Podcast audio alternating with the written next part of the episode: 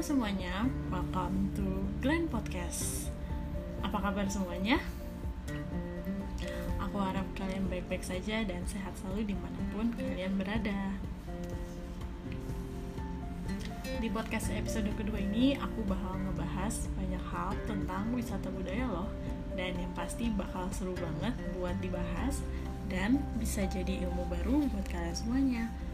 Stay tune terus ya di Glenn Podcast episode 2.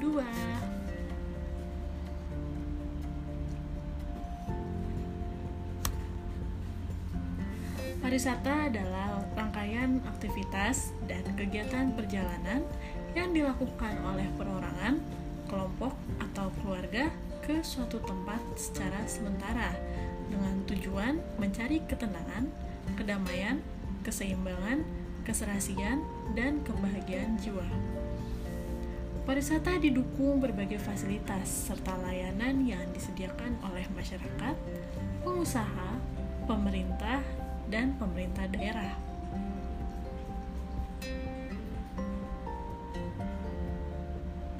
Pariwisata sendiri dapat diartikan juga sebagai suatu perjalanan dari suatu tempat ke tempat lain untuk rekreasi, lalu kembali lagi ke tempat semula.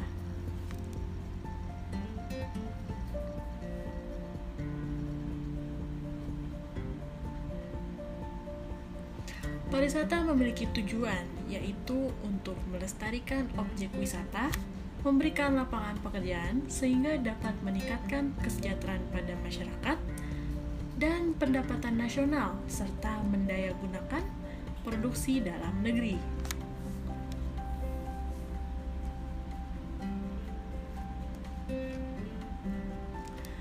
Dikarenakan naiknya jumlah COVID-19 di Indonesia, terutama di Jawa dan Bali, sekarang pemerintah telah menerapkan PPKM atau pemberlakuan pembatasan kegiatan masyarakat secara darurat yang dimulai pada tanggal 3 sampai 20 Juli.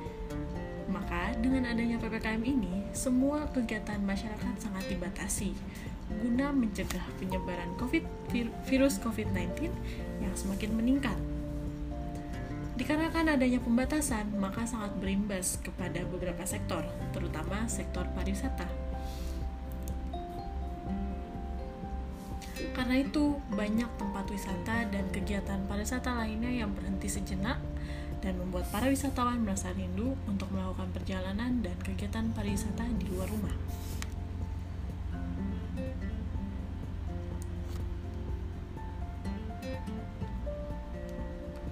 Generasi milenial atau anak muda identik dengan hobinya yang suka jalan-jalan atau yang bisa disebut dengan traveling.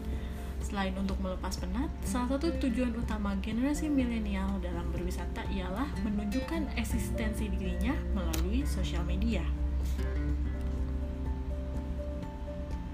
Kalau tadi kita udah ngebahas mengenai pariwisata, nah sekarang kita bakal ngebahas lebih dalam mengenai wisata dan tentu saja mengenai wisata budaya menjadi topik pembicaraan kita hari ini. Wisata merupakan kegiatan yang diminati semua orang. Berwisata merupakan cara yang menyenangkan untuk melepas penat dari kegiatan sehari-hari yang menyibukkan. Menurut WTO atau World Tourism Organization, Wisata berarti aktivitas seseorang yang melakukan sebuah perjalanan dan tinggal selama beberapa saat di tempat yang bukan tempat tinggalnya.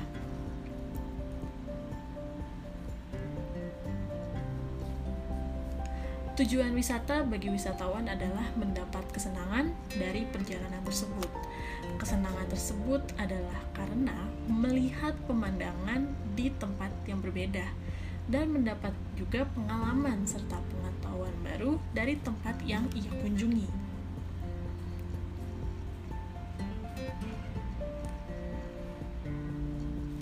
Dan tujuan wisata untuk tempat wisata atau pelaku wisata adalah wisata sangat memberikan manfaat yang besar.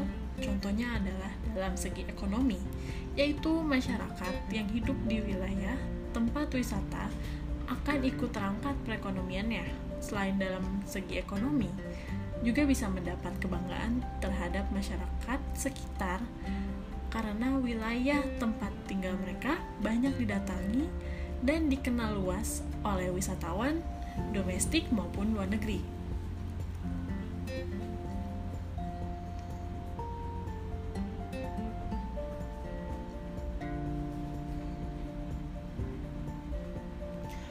Wisata memiliki banyak sekali jenis kegiatannya. Wisata yang dapat dilakukan seperti wisata sejarah, wisata alam, wisata budaya, wisata kota, wisata kuliner, dan masih banyak lagi.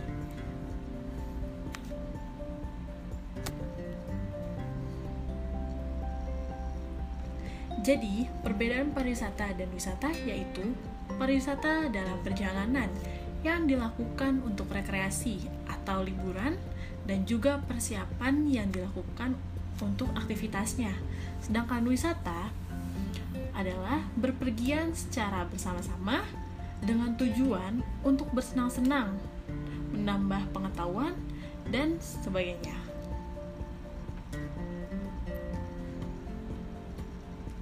Nah, karena kita mau bahas mengenai wisata budaya, kira-kira wisata budaya itu apa sih? Ya, jawabannya adalah wisata budaya adalah kegiatan perjalanan yang dilakukan oleh seseorang atau kelompok dengan mengunjungi tempat tertentu untuk tujuan rekreasi, pengembangan pribadi, atau mempelajari daya tarik budaya dengan memanfaatkan potensi budaya dari tempat yang dikunjungi tersebut. Bisa dikatakan juga sebagai salah satu jenis kegiatan pariwisata yang menggunakan kebudayaan sebagai objeknya.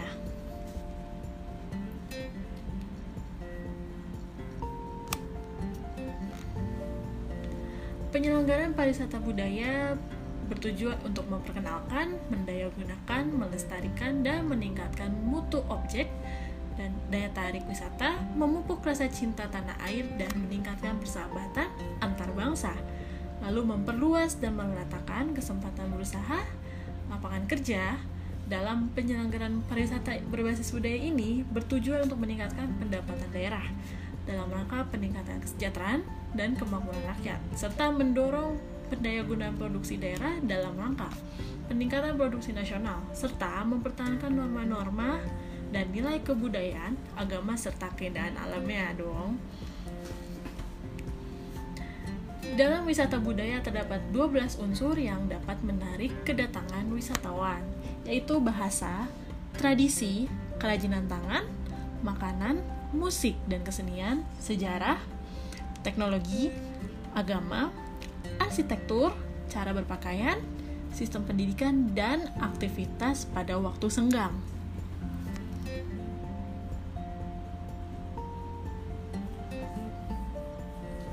Indonesia memiliki keberagaman budaya yang sangat spesial. Setiap wilayah di Nusantara mempunyai macam-macam unsur budaya yang sangat menarik untuk dijelajahi oleh wisatawan baik domestik maupun internasional. Penerapan kegiatan pariwisata berbasis budaya di Indonesia telah ditunjukkan oleh beberapa provinsi Selain Provinsi Bali, provinsi lainnya juga fokus dalam pelaksanaan sektor ini. Contohnya adalah daerah istimewa Yogyakarta, khususnya kota Yogyakarta. Sejak tahun 2008, daerah ini telah mencanangkan diri sebagai kota pariwisata berbasis budaya.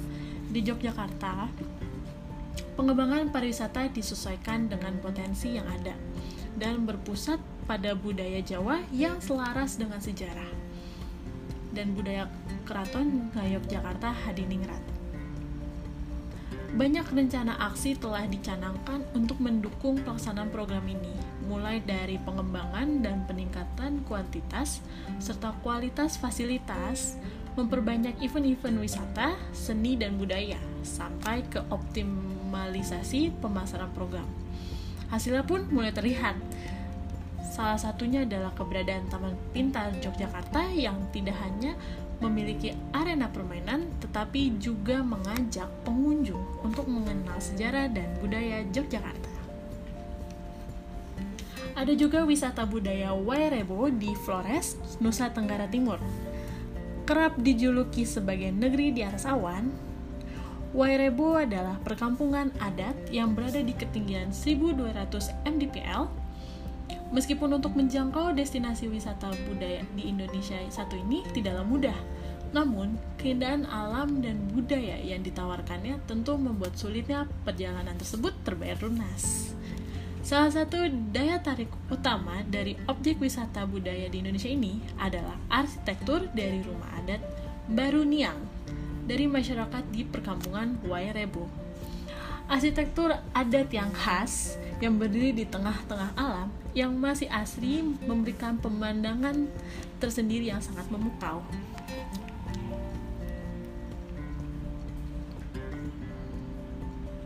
Lalu ada juga desa adat Ratenggaro di Sumba. Kampung adat yang terletak di pesisir pantai ini menyimpan sejarah manusia di zaman megalitikum Desa adat Ratenggaro memiliki 304 kubur batu megalitikum yang sudah berumur ribuan tahun. Selain mengagumi peninggalan zaman batu besar, destinasi wisata budaya di Indonesia ini juga memiliki fasilitas yang menarik seperti berkuda, menyewa, baju adat, dan masih banyak lagi. Dan yang paling menarik, kalian dapat memasuki rumah adat Umak Kelada dengan langit-langit yang menjulang hingga 15 meter. Tanah Toraja, Sulawesi Selatan juga memiliki pesona wisata budaya yang tidak kalah lagi. Kebudayaan penduduk di Kabupaten Tanah Toraja masih sangat kental, sehingga tiap sudutnya sangat menarik untuk dijelajahi. Misalnya rumah adat Tongkonan di Desa Palawa dan Desa Ketekesu, kemudian negeri awan Batu Tumonga yang menawarkan pemandangan kota Rate Rantepao dari ketinggian 1300 meter di atas permukaan laut.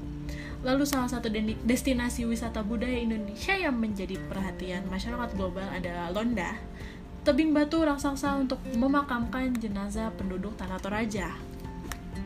Dan wisata budaya terakhir yang tidak boleh dilewati adalah Taman Mini Indonesia Indah atau yang disingkat dengan TMII Taman Mini Indonesia Indah yang berada di kawasan seluas 1.150 hektar di Jakarta, di Jakarta Timur merupakan destinasi wisata budaya di Indonesia yang merangkum berbagai budaya yang ada di Indonesia. Di dalam satu buah kawasan luas, mengunjungi objek wisata budaya di Indonesia, satu ini kalian bisa melihat langsung lebih dekat 33 rumah adat dari setiap provinsi yang ada di Indonesia, serta berbagai pernak-pernik yang uh, adat yang ada di dalamnya. Selain itu, berbagai rumah ibadah dari semua agama di Indonesia serta museum-museum yang menarik juga bisa kamu temui saat berkunjung ke destinasi wisata budaya Indonesia ini. Setelah kita mengetahui lebih banyak mengenai wisata budaya di dalam negeri, sekarang kita beralih membahas mengenai wisata budaya di luar negeri. Menikmati waktu liburan di luar negeri bisa dilakukan dengan banyak cara, tidak hanya untuk berbelanja, tetapi kita dapat mengunjungi tempat wisata budaya yang tentunya tidak kalah menarik dengan jenis wisata lainnya. Saat mengunjungi tempat wisata budaya, kita bisa mempelajari budaya luar yang tidak pernah kita ketahui, dan juga bisa mendapatkan pengalaman baru yang bisa kita kenang kapan pun.